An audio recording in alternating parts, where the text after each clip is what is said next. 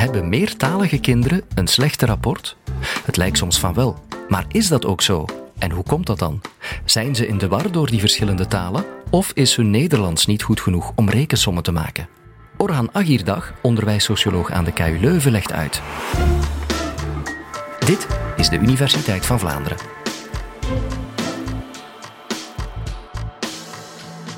Wie spreekt hier naast het Nederlands of begrijpt hier naast het Nederlands nog een andere taal?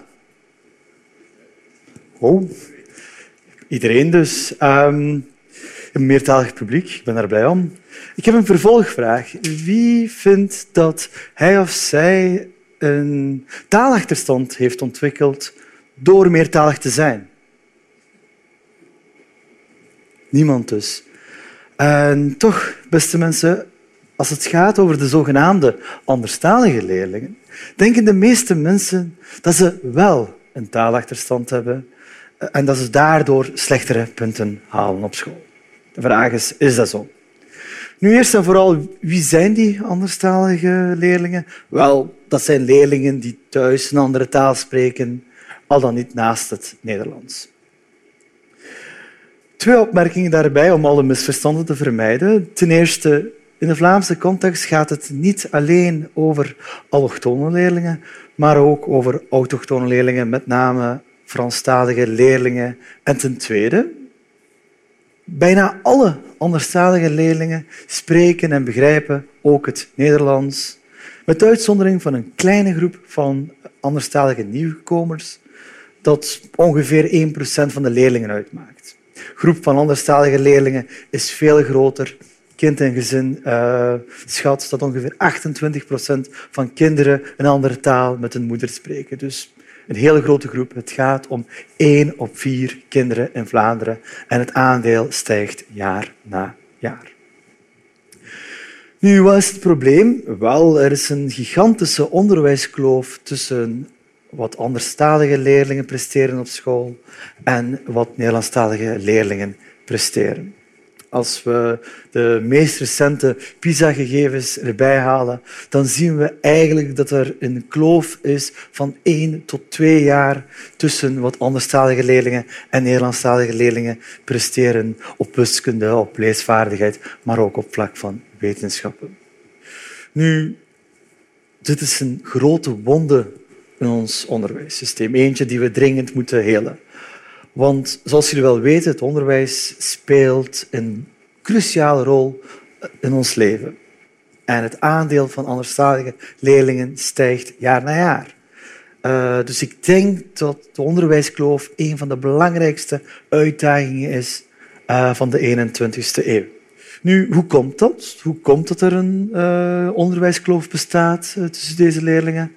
Want zoals gezegd, anderstalige leerlingen spreken en begrijpen ook het Nederlands. Dus hoe komt dat meertaligheid geen uh, meerwaarde uh, is voor hen, geen troef is voor hen? Een veel gehoorde veronderstelling is dat deze leerlingen uh, slechter presteren omdat ze heel vaak een andere taal spreken en omdat ze hierdoor een taalachterstand ontwikkelen. Maar als we naar de resultaten van grootschalig onderzoek kijken, dan zien we dat deze veronderstelling in feite niet klopt. Is er dan geen verband tussen het taalgebruik en de leerprestaties? Jawel, er is wel een verband, maar die is anders dan wat heel wat mensen denken. Ten eerste, het taalgebruik van anderstalige leerlingen is heel complex. Bijvoorbeeld, een leerling uh, kan s morgens opstaan en Arabisch spreken met zijn ouders. Daarna kan hij even tv kijken, Netflix bijvoorbeeld, wellicht in het Engels. Uh, dan op school Nederlands spreken met de vrienden. En voor het slapen gaan nog een boek lezen in het Arabisch. Wat ik hiermee wil illustreren is dat taalgebruik van onze talige leerlingen heel afhankelijk is van persoon tot persoon, van tijd tot tijd, uh, van plaats tot plaats. En wat blijkt? Meestal gebruiken anderstalige leerlingen eigenlijk het Nederlands, maar dat helpt dus niet om de onderwijskloof te dichten. En ten tweede, wat anderstalige leerlingen doen in hun moedertaal of in het Nederlands, is belangrijker dan hoe vaak ze Nederlands spreken of hoe vaak ze hun moedertaal spreken. Uh, terug naar mijn voorbeeld. Als um, anderstalige leerlingen in hun moedertaal communiceren met hun ouders, heeft dit in feite een positief effect op de leerprestaties, omdat uh, in de moedertaal ouders meer sensitief kunnen zijn, omdat emotionele band tussen kinderen en ouders beter ontwikkelt uh, in een moedertaal. Uh, anderzijds, tv kijken heeft zelden een positief effect op de onderwijsprestaties van de leerlingen, of het nu in het Nederlands gebeurt of in een andere taal. Met de uitzondering weliswaar van uh, educatieve programma's voor kleine kinderen. Dat kan wel een positief effect hebben. Nederlands spreken op school of oefenkansen in het Nederlands is ook heel belangrijk. Uh, dat houdt in dat we anderstalige leerlingen heel vaak aan het woord moeten laten, dat we interacties met Nederlandstalige leerlingen uh, moeten stimuleren. Maar merk ook op dat onder de noemer van taalbad vandaag het omgekeerde gebeurt, waarbij anderstalige leerlingen eigenlijk worden gesegregeerd in aparte taalklassen waar er weinig authentieke oefenkansen zijn. En tenslotte, boeken en kranten lezen heeft een positief effect op de leerprestaties. Of het nu in het Nederlands gebeurt of in de moedertaal, is minder belangrijk dan dat het gebeurt. Als je mij niet gelooft, dan kan je dat zelf ook nagaan. Uh, je moet maar naar de website van de OESO e gaan en daar de PISA 2012 gegevens downloaden, zoals je dat gewoonlijk doet. En uh, dan zal je eigenlijk het volgende zien. Um, zo blijkt dat anderstalige leerlingen die geen boeken of kranten lezen, heel laag presteren, onder het Vlaamse gemiddelde presteren. Dat zijn leerlingen die geen boeken, geen magazines, geen kranten lezen. Maar leerlingen die dat wel doen in het Nederlands, die presteren uh, in dit geval op vlak van wiskunde veel beter dan leerlingen die niet lezen, die geen boeken lezen, die geen kranten lezen. Maar leerlingen die dat doen, vooral doen in hun moedertaal, die presteren minstens zo goed als leerlingen die boeken en kranten lezen uh, in het Nederlands. Er is ook een vierde optie, namelijk uh, leerlingen die lezen in beide talen, die presteren nog beter dan zowel degenen die in het Nederlands lezen als degenen die in hun moedertaal lezen. Met andere woorden, meertaligheid biedt enorme kansen om, de, om onze onderwijskloof te dichten. Maar opdat meertaligheid ook een troef kan zijn, dient ze eerst erkend en gewaardeerd te worden op school. En dat is iets wat niet altijd gebeurt. Meestal zien we binnen en buiten de scholen posters en spandoeken die benadrukken dat leerlingen enkel in het Nederlands mogen spreken, enkel in het Nederlands mogen spelen en ook enkel in het Nederlands mogen leren. En dit wordt niet alleen zo gecommuniceerd naar de leerlingen, maar ook naar de ouders toe is er een heel duidelijke boodschap van liefst enkel Nederlands, terwijl meertaligheid ook binnen een gezin heel veel positieve gevolgen kan hebben. Hoe vaak gebeurt dat? Uh, verbieden van, van uh, moedertaal, van, anders, van anderstaligheid?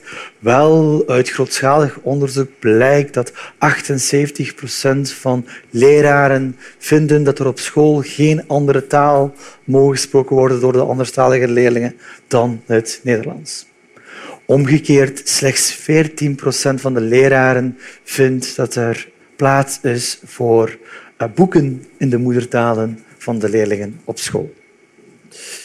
En een overgrote meerderheid van uh, de leerlingen bevestigen dan ook dat het verboden is dat ze hun moedertaal mogen spreken op school. Zowel op de speelplaats als in de klas, of zelfs om iets uit te leggen aan een klasgenoot. Maar uit onderzoek blijkt dat leerlingen, wanneer ze dat mogen, hun moedertaal eigenlijk ook vooral gebruiken voor nuttige dingen. Zoals bijvoorbeeld om iets uit te leggen aan elkaar. Dus door eigenlijk de moedertaal te verbieden, ontnemen we de kinderen ergens ook leerkansen af. Bovendien, en dat is erg pijnlijk, is het vaak niet zo dat meertaligheid verboden is. Vaak worden leerlingen die betrapt worden op het spreken van hun moedertaal ook gestraft. Bijvoorbeeld als ze drie keer betrapt worden, moeten ze speelplaats opruimen. En dat is inderdaad een, een, een pijnlijke praktijk, omdat deze leerlingen op zich niets misdaan hebben, behalve hun moedertaal gesproken te hebben. En door ja, leerlingen te straffen uh, omdat ze een andere taal hebben gesproken, helpen we hun leerkansen niet vooruit. Het tegendeel is waar. En dit gebeurt natuurlijk met de beste intenties, dat leerlingen verboden worden of bestraft worden omdat ze hun moedertaal spreken. Want leraren willen eigenlijk dat hun uh, leerlingen zo goed mogelijk Nederlands leren.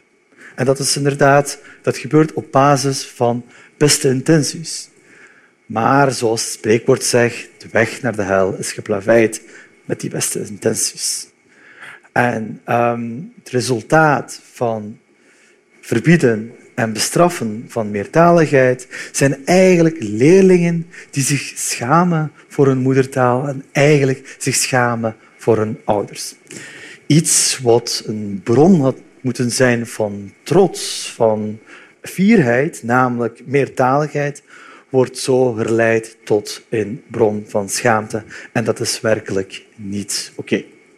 Nu, ik pleit zeker niet voor een soort laxisme of laissez-faire als het over taal op school gaat. Ik denk dat leerlingen gewoon maar laten doen evenmin wenselijk is als leerlingen te verbieden. Want als je gewoon eigenlijk leerlingen laat doen, zou het inderdaad kunnen dat leerlingen elkaar beginnen uit te sluiten op basis van de taal of leraren beginnen uit te sluiten uit de conversaties. Dat is wel degelijk een risico van laxisme en laissez-faire en daar pleit ik niet voor. Waar pleit ik wel voor, zijn duidelijke taalafspraken. Dat je bijvoorbeeld aan de leerlingen communiceert dat hun kennis van hun moedertaal bijzonder goed is. Dat ze daar trots op mogen zijn. Dat ze boeken kunnen lezen in hun moedertaal. Dat ze informatie kunnen opzoeken in hun moedertaal. En misschien elkaar helpen in hun moedertaal. En tegelijkertijd ook duidelijke afspraken maken dat het niet de bedoeling is dat leerlingen worden uitgesloten op basis van een gesproken taal, een speelplaats of elders op school. Beide aspecten, eh, taal, meertaligheid waarderen en duidelijke taalafspraken maken, gaat voor mij hand in hand. Dus meertaligheid mag absoluut niet gebruikt worden als een excuus voor een soort laxisme, een excuus voor laissez-faire.